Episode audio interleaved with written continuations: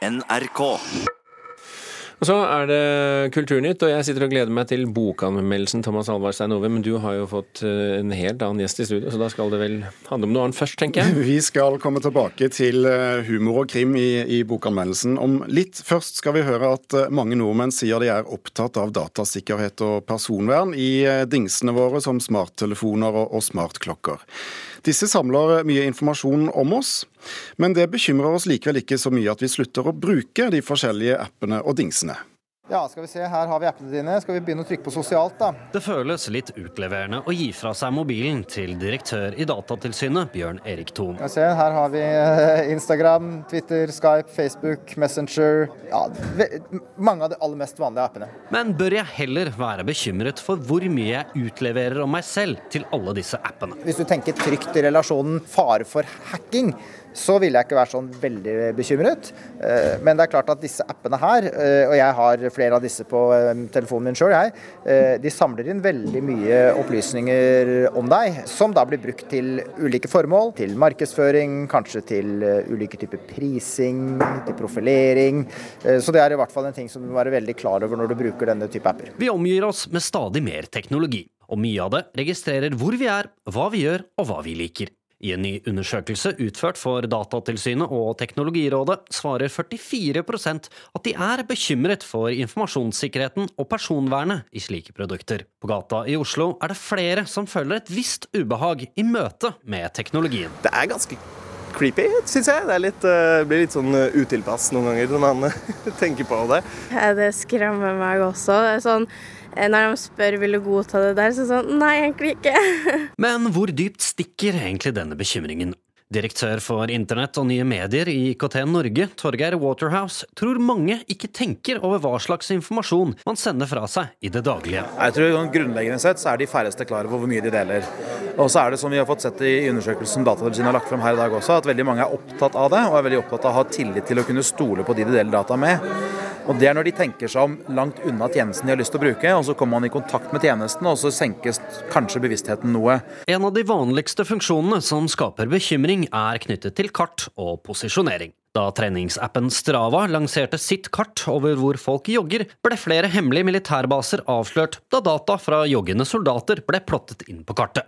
Data som Strava mente de kunne publisere fordi det var sendt inn helt frivillig og fordi det som i flere andre apper er mulig å skru av informasjonsdelingen. Jeg pleier jo ikke å gjøre det, bare fordi det er eh, noen ting som man trenger å bruke det til. Og da er det jo irriterende å måtte skru det på igjen hele tiden, så det er jo bare av latskap, egentlig.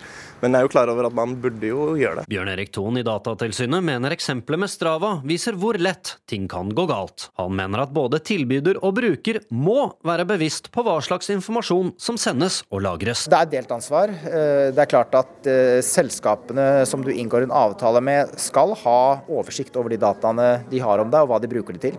Eh, og Det er regler som skjerpes ganske kraftig nå når det nye personvernregelverket trer i kraft i mai i år. Men så har selvfølgelig vi forbrukere også et ansvar for å sette oss inn i hva dataene brukes til. Men i dag så er ikke det så veldig lett. Hvis jeg hadde lest opp personvernvilkårene til alle de appene du har, eller la oss si 20 stykker av de, så hadde jeg sikkert brukt 25 timer på det. Ja, Det sa Bjørn Erik Thon, direktør i Datatilsynet, til reporter Kasper Fuglesang. Og noen som har lest opp eh, vilkår i eh, timevis, eh, det var vel kanskje et døgn og vel så det, det var tidligere Forbrukerombudet, nå Forbrukertilsynet. Der har du direktør Elisabeth Lier Haugseth, velkommen til Nyhetsmorgen. Jo, takk skal du ha. Så får jeg kanskje ikke ta æren for akkurat den opplesningen, for akkurat det var det Forbrukerrådet som gjorde. Beklager. Det var det Forbrukerrådet som gjorde. Forbrukermyndighetene gjorde det, iallfall. Ja, det var det helt, helt klart. Og det illustrerer jo også hvor vanskelig det er for folk å sette seg inn i disse vilkårene og vite hva de egentlig begir seg ut på. Det er jo det vi er opptatt av. Fordi eh, hvis folk ikke får nok opplysninger og nok informasjon om hva personopplysningene deres skal brukes til og hvordan de håndteres, så har så kan det være et brudd på markedsføringsloven. Den skal, være, skal gi forbrukeren en god, en god, mulighet til å ta informerte valg, som det heter. Eh, og Er det ikke det, så kan det fort bli villedende. Ja, Vi hører 44% i, eh, i Datatilsynets undersøkelse er eh, bekymret for at opplysninger kommer på avveie og misbrukes da gjerne i markedsføring. Er det grunn til bekymring? Ja, altså, eh, jeg kan forstå at folk er bekymra for hva som skjer med de personlige opplysningene som de gir fra seg. Eh, nå gjør de det jo frivillig fordi de går inn på avtalene. Eh, jeg syns også det er synd at de bekymrer seg, for det er jo en mengde gode muligheter. Og, det gir jo mye frihet for folk å bruke en mengde apper og, og dingser. altså Det er jo et gode for oss. Men den problemstillingen som vi er opptatt av, er at næringsdrivende har et ansvar for å sørge for at forbrukerne vet hvilke personopplysninger som samles inn, og hvordan de håndteres og hvordan de skal brukes. Og Da har jo også forbrukerne mulighet til å ta det valget. Forbrukertilsynet kommer i år til å ha et spesielt godt blikk på mm. dette, nettopp dette med brukervilkår for eh, dingser og digitale tjenester, og også mm. problematikk da knyttet til innsamling av eh, informasjon om oss. Hva kan, hva kan, dere gjøre for å passe på um, at opplysningene våre blir, eh, blir, brukt på en lovlig måte? Mange av disse tjenestene mm, kommer jo fra, fra utenlandske leverandører, f.eks. Mm.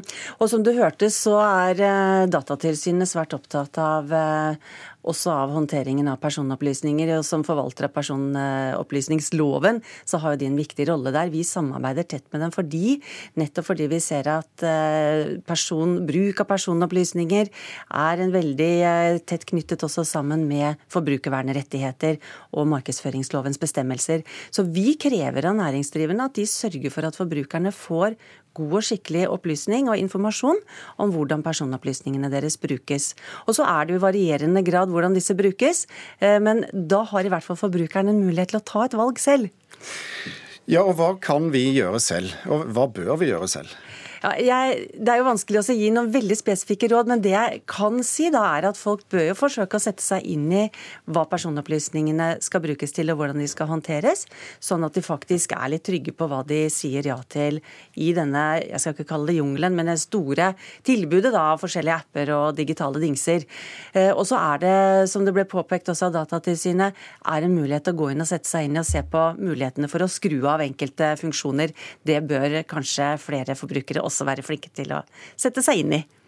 Og så må vi jo spørre, da, er det egentlig så farlig? Ja, jeg tenker Det er farlig i det øyeblikket du ikke vet hva de brukes til, og du ikke tenker på det, og du gir det fra deg uten å, å være klar over hva det brukes til. Eh, men det er klart at det er mange forbrukere som syns det er eh, fint å kunne få målretta reklame, slippe å få all den irrelevante reklamen, men da skal de i hvert fall vite om det.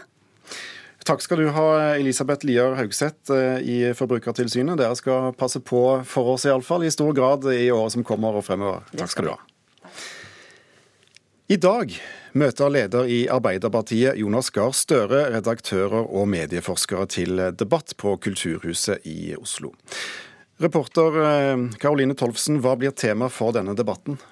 Ja, Aftenposten skriver i dag om, om, debatten, og den skal altså ta for seg kritikken som har kommet mot pressen for et høyt trykk i forbindelse med dekningen av metoo-sakene og tidligere nestleder i Arbeiderpartiet Trond Giske.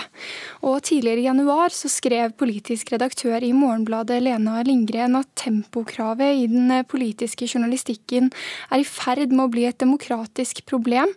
Og denne påstanden, samt også en rekke andre spørsmål, skal debatteres på Kulturhuset. Førstelektor ved Institutt for informasjons- og medievitenskap ved Universitetet i Bergen, Eirik Vatnøy, mener mengden saker om metoo og Trond Giske er overveldende. Han har gjort en eh, undersøkelse av dekningen og funnet ut at en fjerdedel av sakene om metoo eh, også nevner Trond Giske, skriver Aftenposten. Mm. Vi skal ha et brått temaskifte.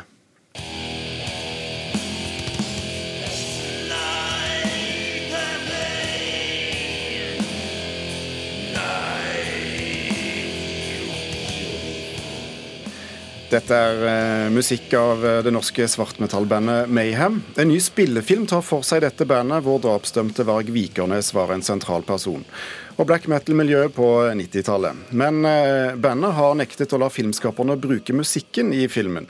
Filmen får likevel ros fra kritikerne, men tidligere bandmedlemmer er ikke like begeistret. Caroline Tolvsen, hva er historien bak denne filmen? Ja, Dette er jo da en spillefilm eh, som tar opp bl.a. drapet på Øystein Aarseth i Oslo eh, tidlig på 90-tallet. Og som du nevnte, så ble altså Varg Vikernes dømt i 1994 til 21 års fengsel for drap drapet. I tillegg fikk han dom for å ha brent ned tre kirker og for tyverier.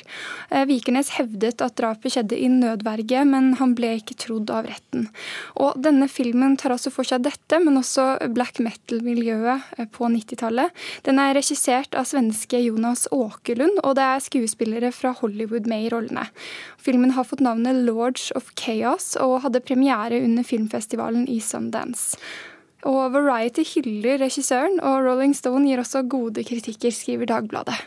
Er eh, bandet Mayhem fortsatt aktive? Ja, eh, det er de.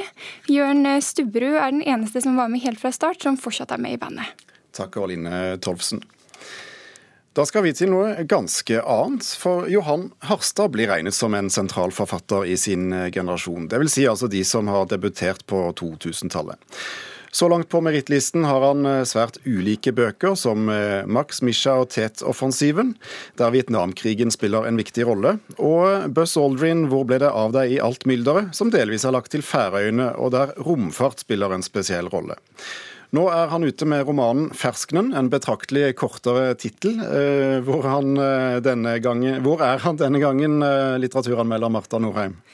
Ja, Hvordan er skal jeg ikke si, men eh, det handler iallfall om krim. Altså, Her får vi hele 15 krimromaner innenfor eh, to permer, og boka er som du sier ikke så veldig eh, tjukk heller.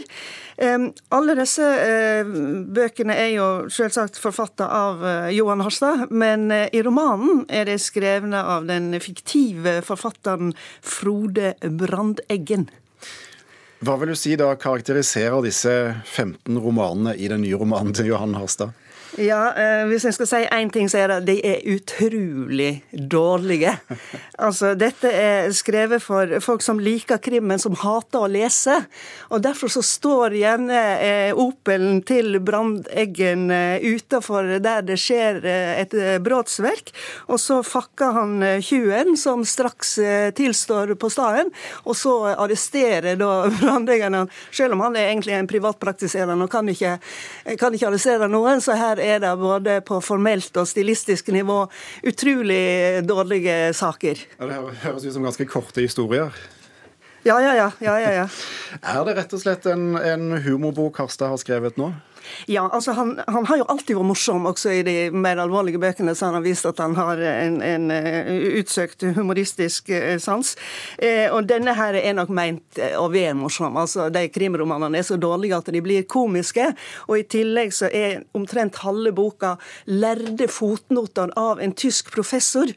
Og, og dette spriker da mellom de fantastisk dårlige romanene og disse lærde fotnotene. Det blir jo rett og slett eh, morsomt. Jeg må korrigere meg selv, det er ikke fotnoter, det er noter det står bak i boka, så du må bla liksom hele tida.